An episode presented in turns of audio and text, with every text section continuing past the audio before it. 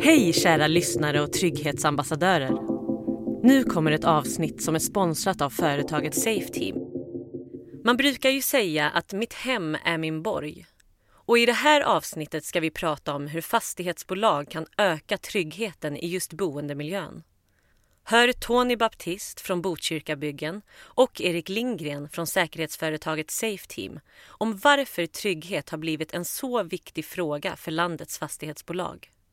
Hur Botkyrkabyggen arbetar för att skapa en säker och trygg boendemiljö. Vad man som fastighetsbolag kan göra för att öka tryggheten för de boende, både i stora och i mindre fastighetsbestånd. Vad ett säkerhetsföretag kan bidra med i det arbetet Liksom hur det går att hitta nya sätt att se saker med andra ögon. Om man tittar på allmänna platser och där barnen får säga vad de tycker. Det kan skilja sig väldigt mycket från vad vuxna tycker.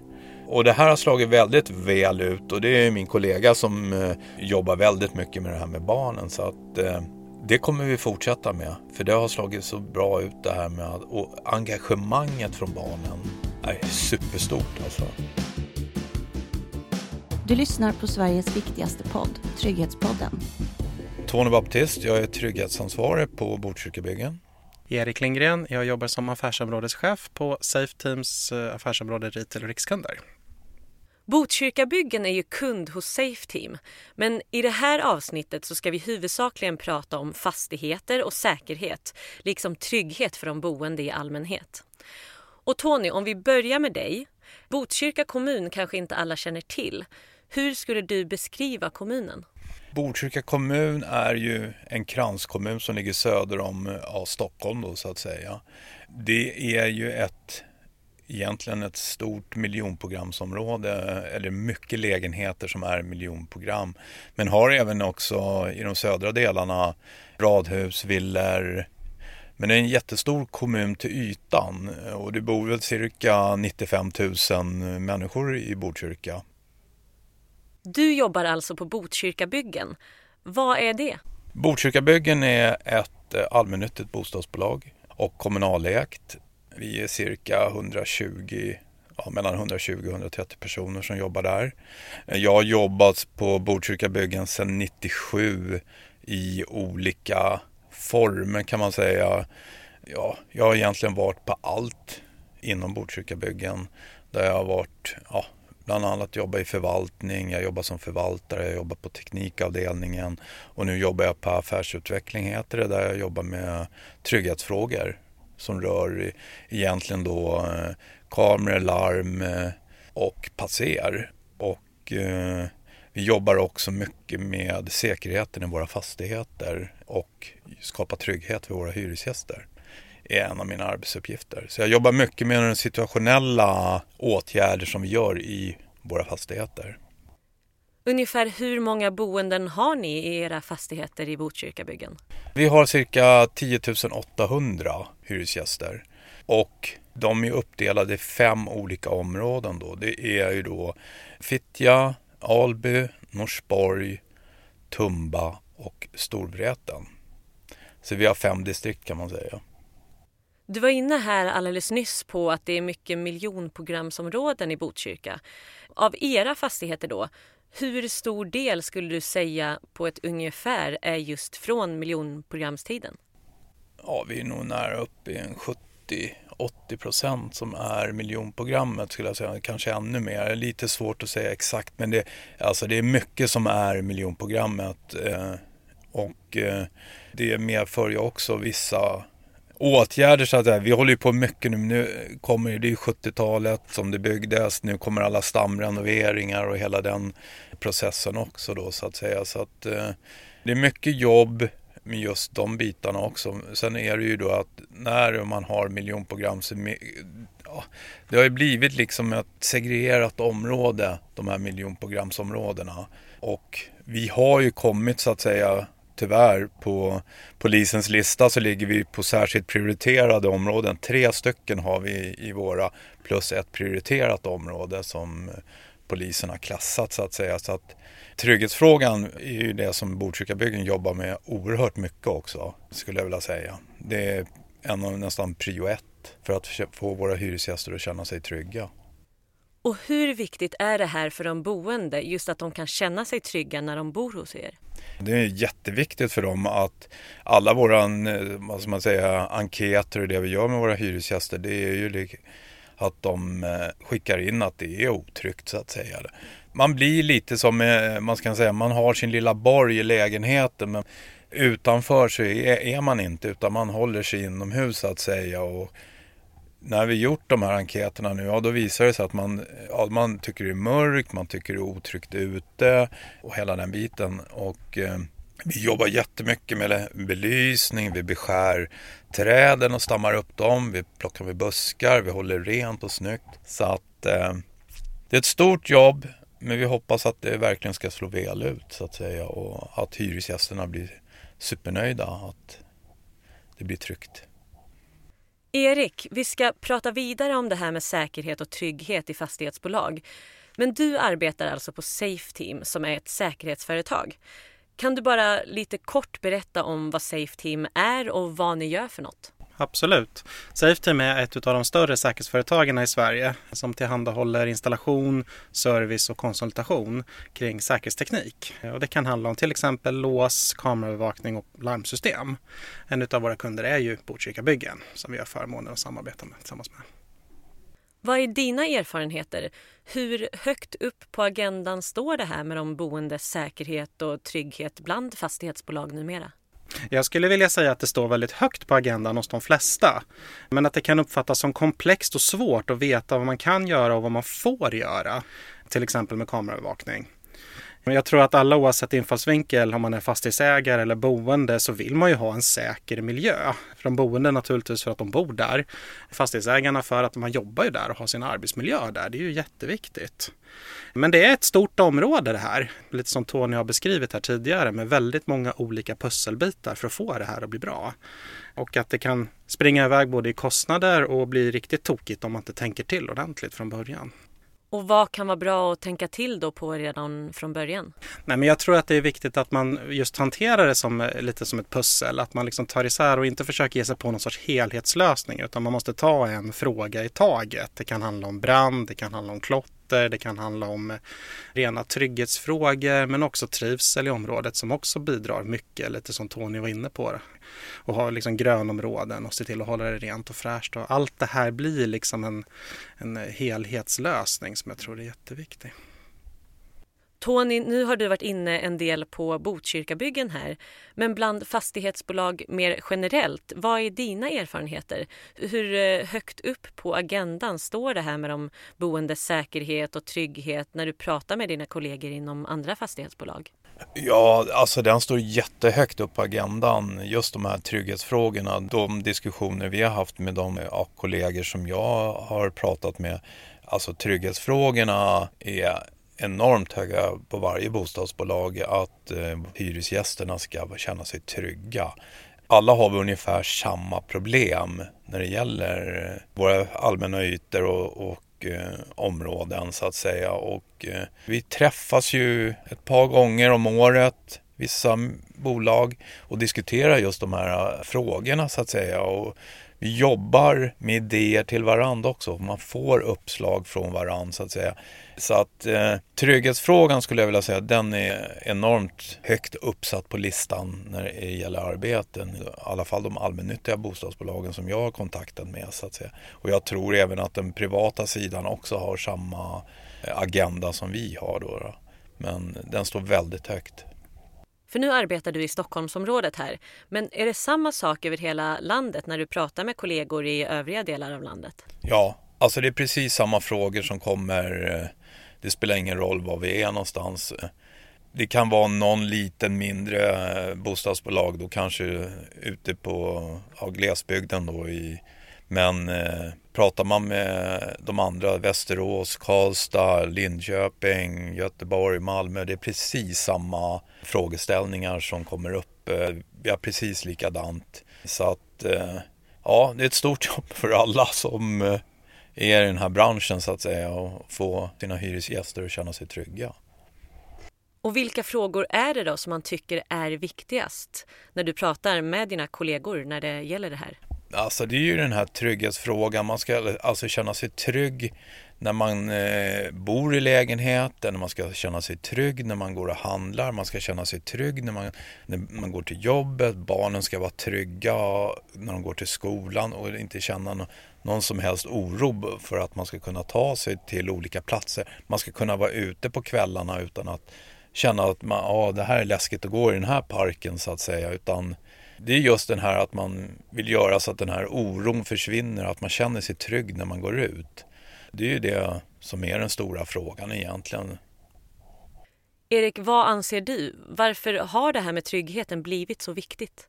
Jag tror att det är dels så, har vi ju en situation som utvecklas åt ett trist håll i vissa områden, så är det.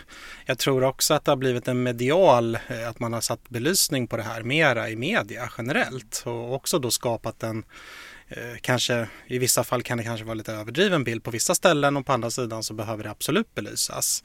Så jag tror att det har skapat en större medvetenhet. Men jag tror också att folk tänker mera på det här generellt. Att man vill ha en trygg miljö utifrån vad man ser och hör i tv och media och så såklart.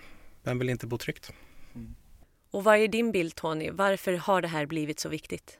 Nej men jag håller med. Det, det har ju lyfts upp och det har ju hänt olika saker. Man läser ju nästan varje dag eller hör på tv eller vad det nu kan vara. Så är det ju liksom att bostadsområdena har ju sina problem så att säga. Och därför har det också lyfts upp mycket mer på agendan tror jag. Att eh, försöka få ordning och reda. Och det är, det är ju det som vi jobbar efter. Att ha ordning och reda i våra områden. Och kan vi ha det, då kommer tryggheten att öka. Och jag vill säga det liksom att det kan låta, låta banalt och liksom rent och snyggt. Alltså det är ganska simpelt men kan man hålla det rent och snyggt och även eh, liksom se till att eh, skador och sånt åtgärdas med ganska med snabbt. Det, det, skapar mycket trygghet. Istället för att man kommer till en plats, det är klotter på väggen, det är galler för fönster. Ja, vad känner man då? Om du aldrig har varit i det området tidigare, då tänker man ju direkt, aha, här är ju otryggt. Men liksom är det rent, det finns inga galler för fönster och eh, inget klotter på väggarna, det finns inget skräp ute, ja men då känns det bra.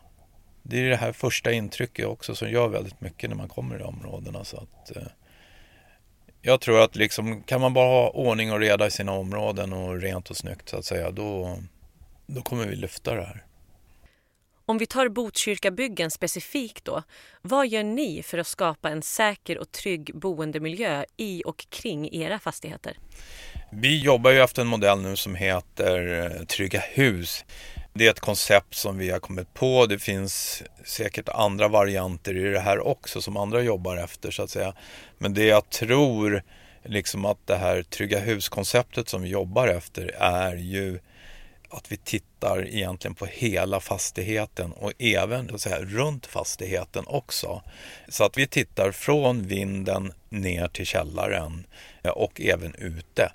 Och man kan väl säga idag har vi i de här trygga hus så har vi ungefär ja, ligger strax över 100 punkter som vi tittar på i varje trapphus kan man säga.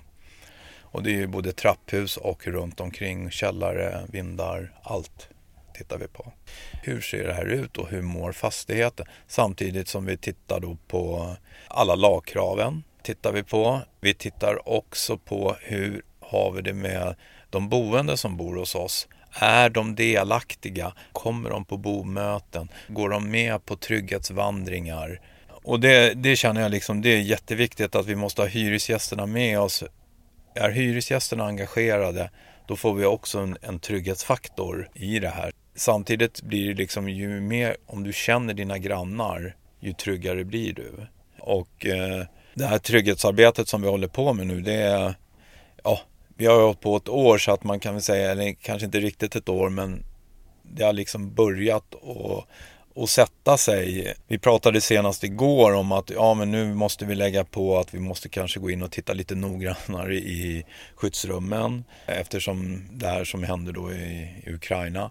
Och det har blivit väldigt oro bland våra hyresgäster att liksom, var är mitt skyddsrum?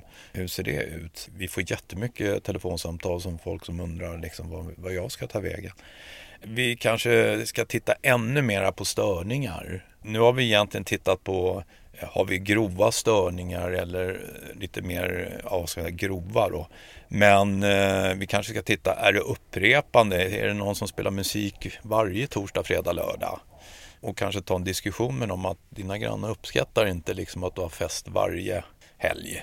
Så vi, vi ska väl kanske försöka bredda oss ännu mer, med ännu mera punkter och, och liksom kontrollera och se liksom, ja, vad kan vi göra åt det här? Det, det är ett stort jobb och Eh, det läggs mycket tid på det här.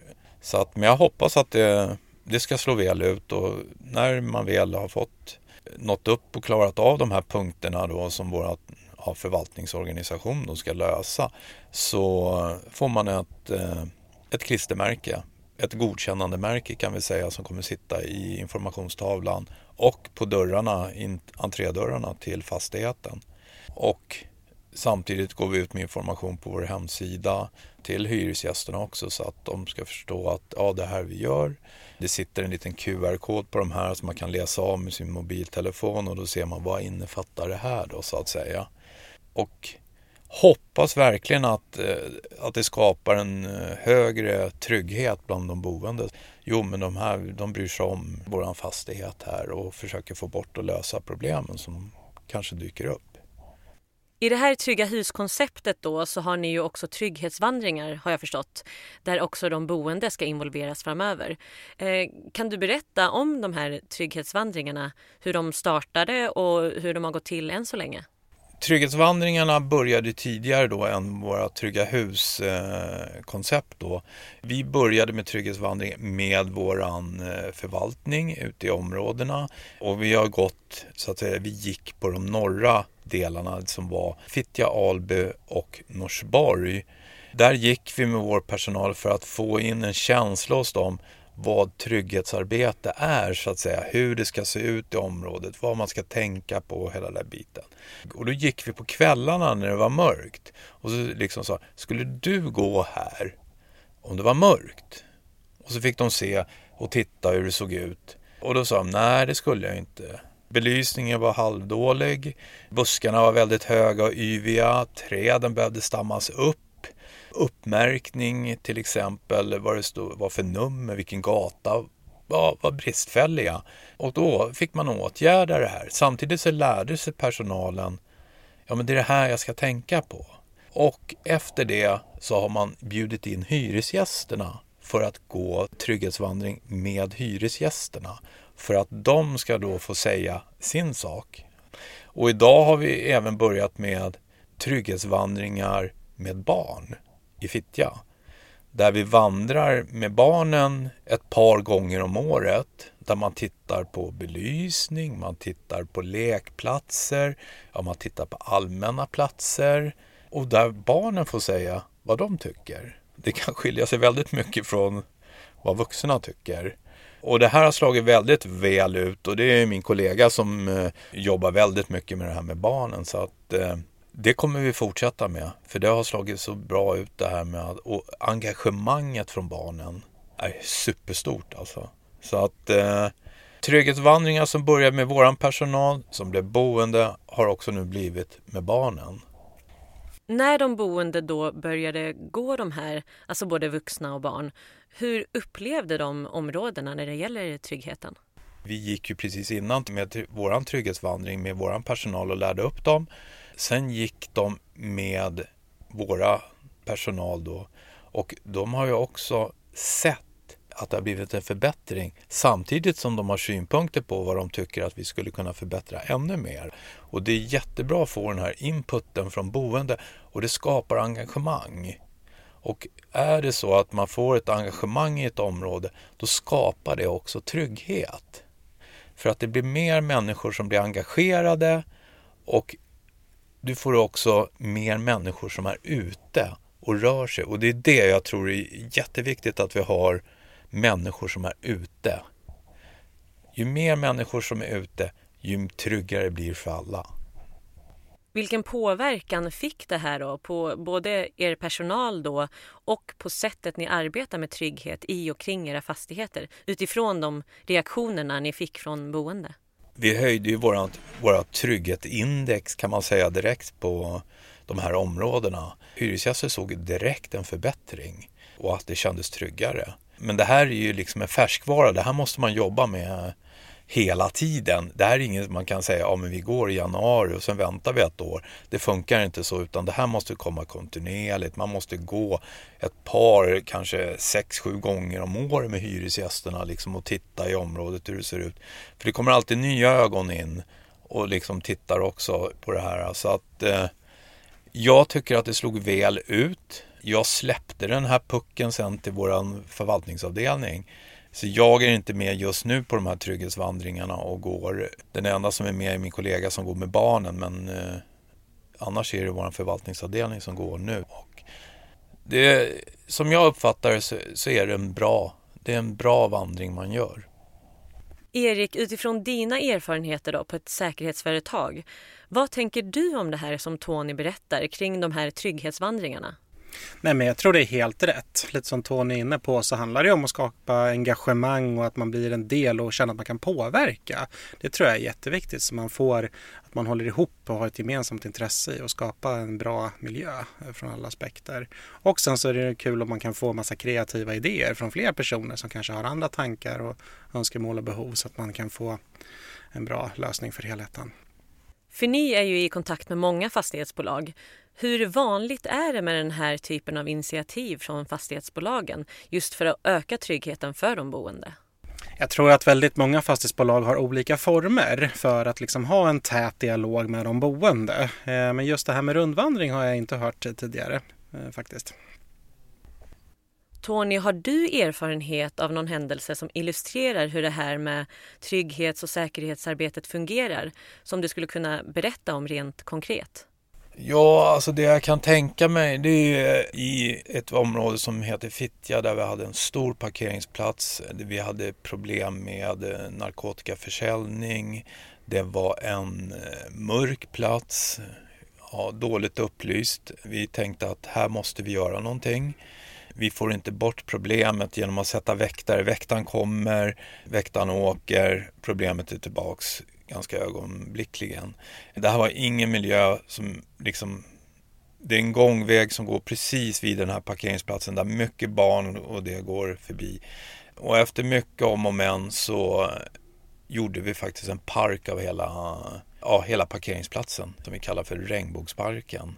Och den eh, har blivit så uppskattad och så mycket aktiviteter på den eh, platsen Ja, alltså det är otroligt vad, eh, hur en plats kan förändras från en parkeringsplats till en park där alltså barnfamiljer och barn uppehåller sig. Och det är många som är involverade på den här platsen också. Man har ungdomsgården eller eh, ja, barnverksamheter som kommer till den här parken eh, och har olika aktiviteter och vi har olika aktiviteter där också så att säga.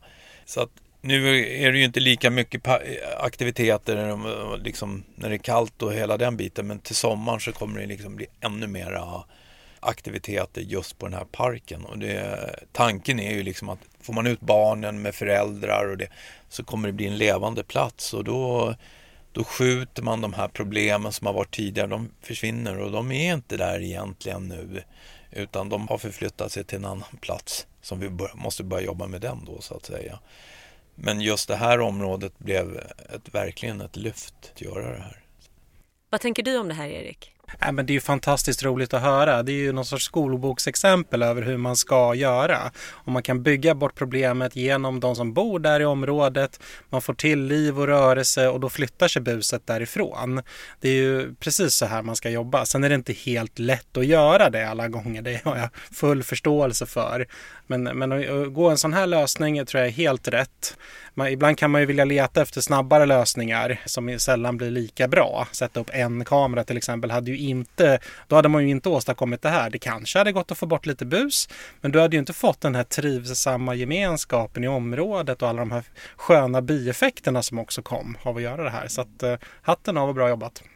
Samtidigt säger Tony här att problemet har flyttat sig till en annan plats. Så det verkar ju som att problemet ändå finns kvar. Alltså om man då är ett fastighetsbolag i ett större perspektiv, hur kan man liksom arbeta för att få bort problemen överhuvudtaget? Kan man göra det? Ja, men jag tror att man måste liksom följa det här hela tiden. Buset kommer ju hitta en annan plats, så är det ju. De kommer ju inte upphöra med sin verksamhet. Men jag tror att om man hela tiden kan jobba för att förflytta dem, då kommer de att ställas inför nya risker. Kanske vara stressade och det inte blir lika genomtänkta platser heller. Som kanske öppnar upp för att de åker dit på det de, de heter de hittar på.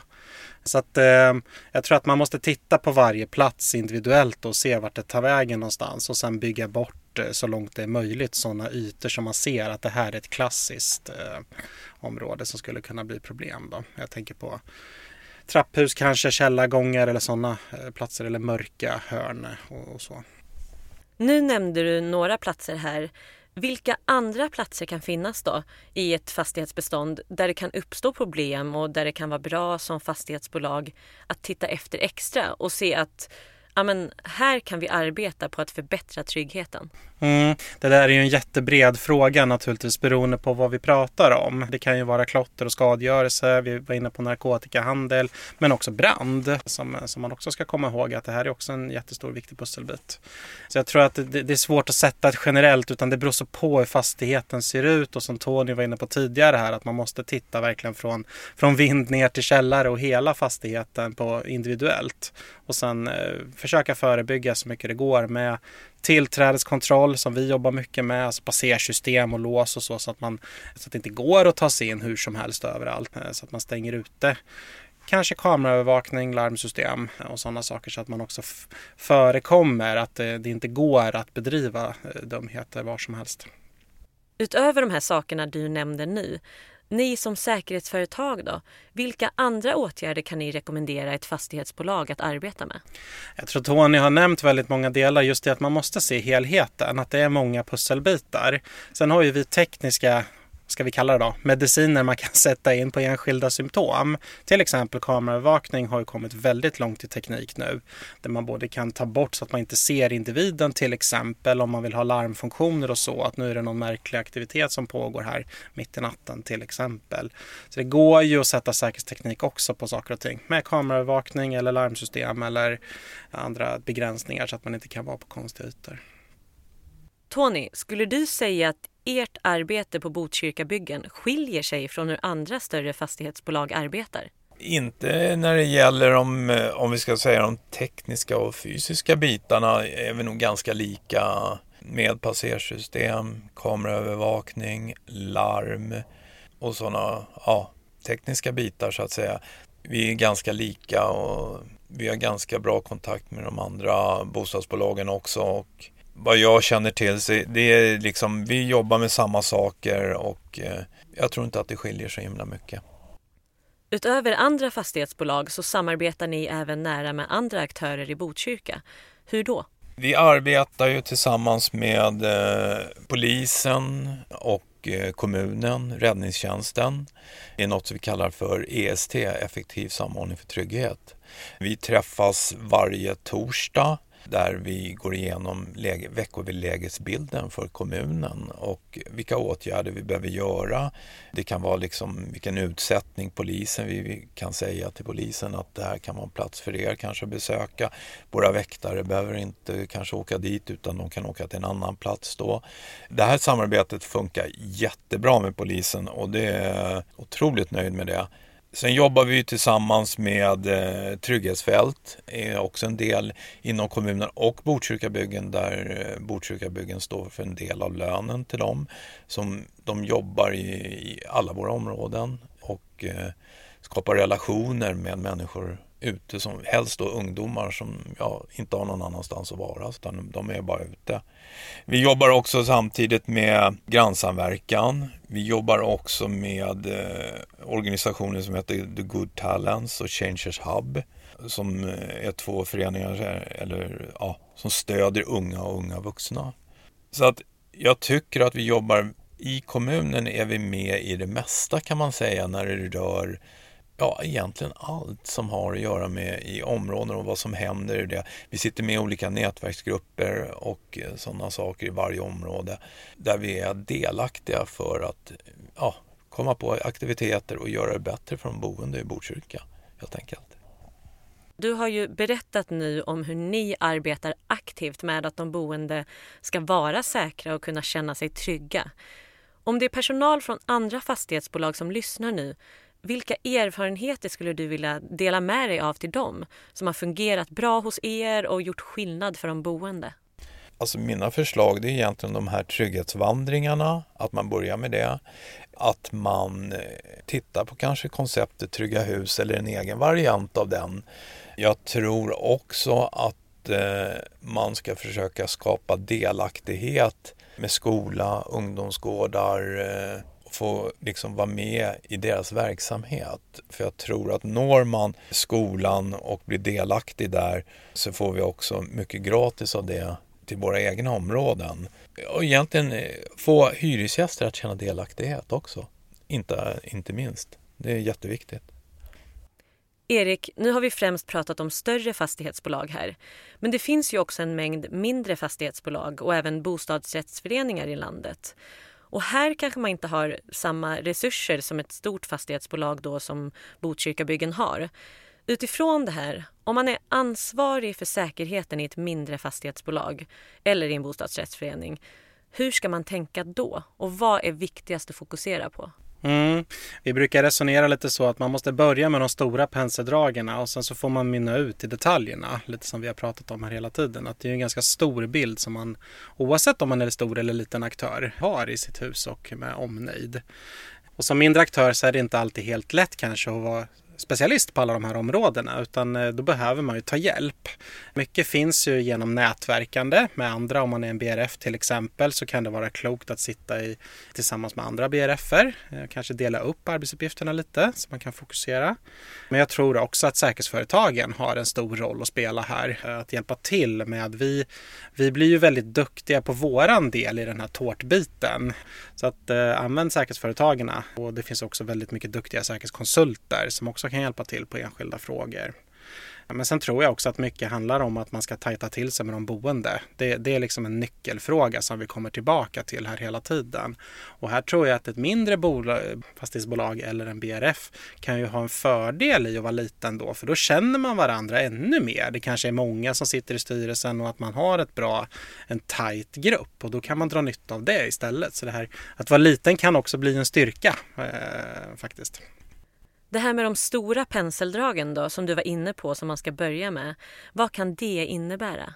Ja, men jag tror att man måste börja med de stora frågorna som brand till exempel är väl ganska naturligt att börja med.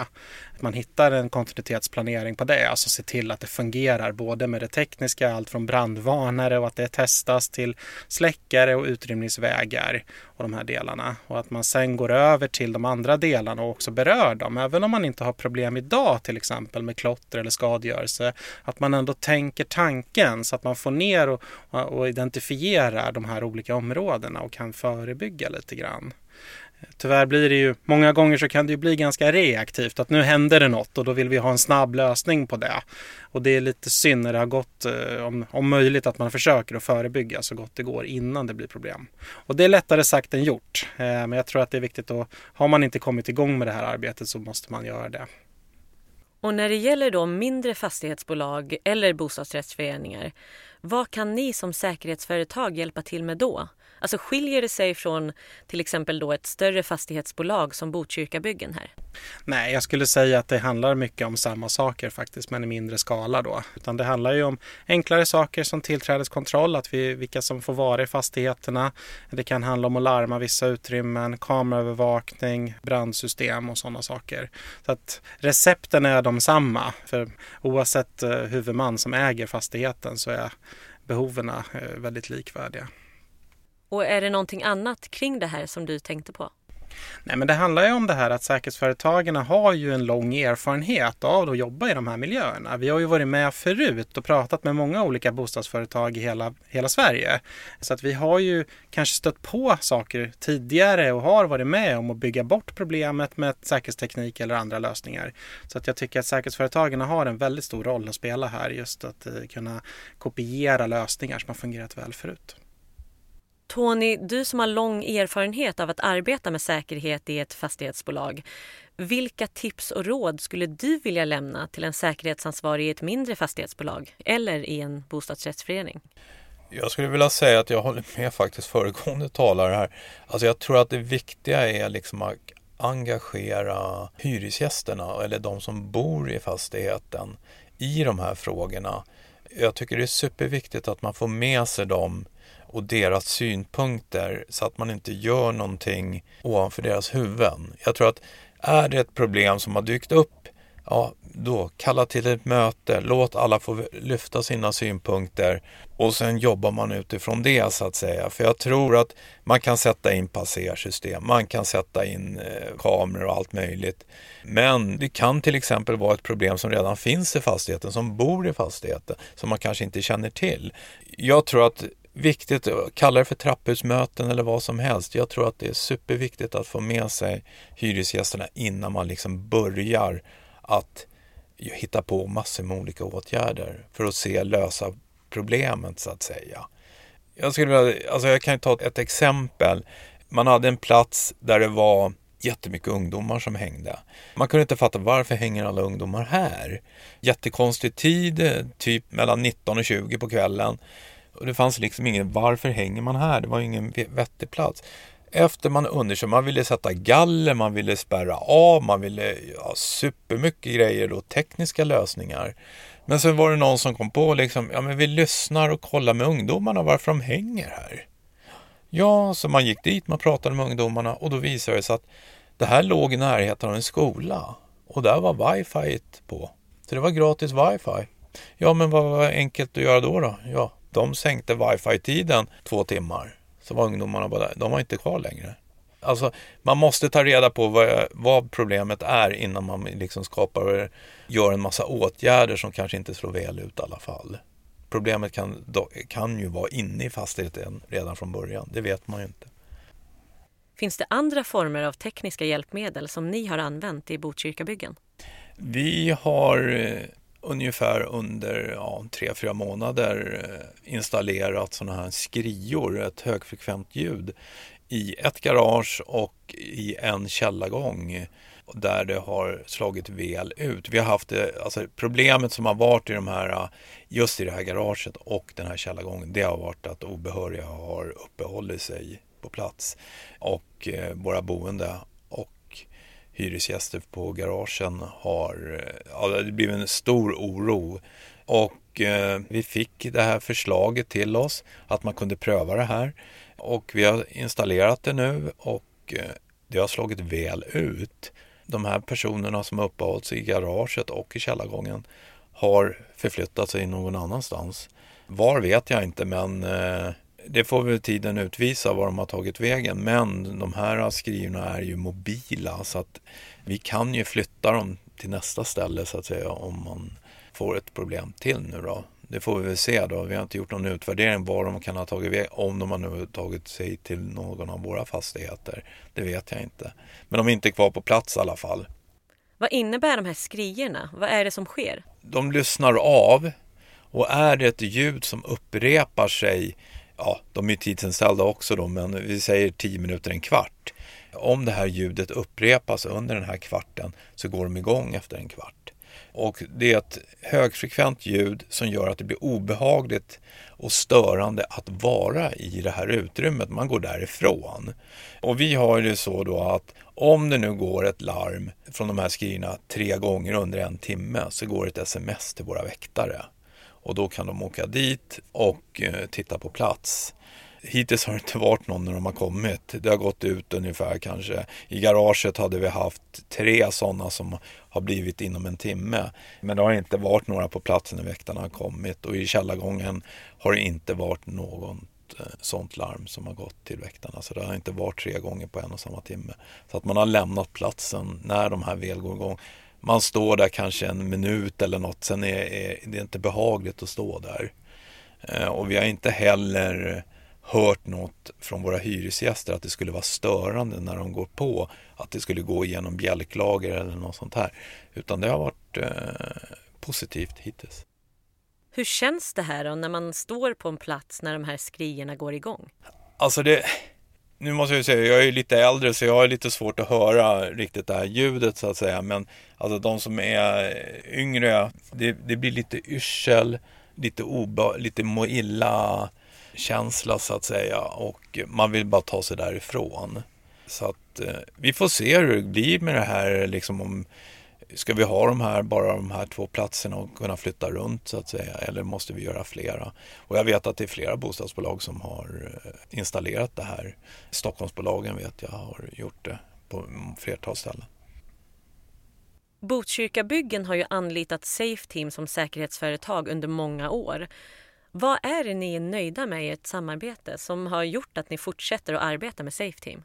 Jag kan väl säga så här, Botkyrkabyggen är ju ett kommunalt bostadsbolag och vi går ju under det här lagen om offentlig upphandling.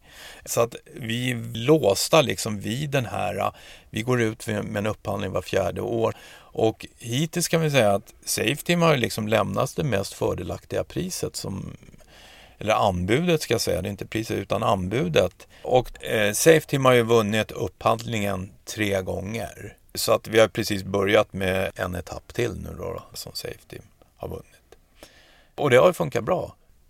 Och Erik, ifrån Safeteams håll då, vad är det ni är nöjda med i ert samarbete med Botkyrkabyggen? Nej men det är ju, vi har ju ett väldigt gott samarbete med bra kontaktytor tycker vi. Vi har ju en lokal verksamhet i Stockholm så vi har ju närhet till, till Botkyrka eh, från vårt kontor och vi tycker att vi har hittat en bra eh, samarbetsform. Till sist, nu har vi pratat om vad fastighetsbolag kan göra för att skapa en säker och trygg boendemiljö. Men vad kan man då som boende göra om man tycker att säkerheten och tryggheten i ens boendemiljö behöver bli bättre? Ja, första svaret jag skulle vilja ge det är om alla kunde kontrollera sin egen brandvarnare. Jag tycker det är så sorgligt att uh, det slarvas med det. Det kan få så stora konsekvenser och det är en sån enkel sak att göra. Men naturligtvis om man breddar det lite så handlar det ju om att man ska hålla ögonen och öronen öppna. Vi har ju varit inne på många delar här. Att man ser om någonting är trasigt, att man påtalar det. Att man också kollar att dörren går igen efter sig när man går in. Om det är brytmärken någonstans till exempel, att man snabbt fångar upp det. Eller andra beteenden som man tycker verkar konstigt som inte hör hemma där. Blockerade utrymningsvägar tror jag också är en sån här jätte jätteviktig sak som vi alla borde ha i ryggmärgen att direkt reagera på för det kan ju vara direkt förödande. Och naturligtvis kan man åtgärda det själv så gör gärna det. Om det går att liksom direkt ta tag i problemet så att, du inte, så att det inte är kvar när du går därifrån. Utan kan du åtgärda det själv så gör det annars så kontakta fastighetsägaren. Och Tony, vad skulle du säga? Samma sak egentligen. Det är tänk på din egen säkerhet så tänker du även på grannarnas säkerhet. Ta som en enkel sak, är det en fimp instoppad i kolven i dörren, peta bort den då. För någon har ju satt in den för att kunna ta sig in i huset. Ställ inte barnvagnarna i trapphuset om det skulle börja brinna. Utan tänker man liksom bara på sin egen säkerhet så blir det också en säkerhet för de grannarna som bor där. Och felanmäl om man ser något som är fel. Så att det inte går för lång tid innan man hinner åtgärda det. Vi ronderar varje dag, men dock inte hela tiden. Så att eh, felanmäl så fort du ser något. Du har hört ett avsnitt av Trygghetspodden. Fler avsnitt finns på trygghetspodden.se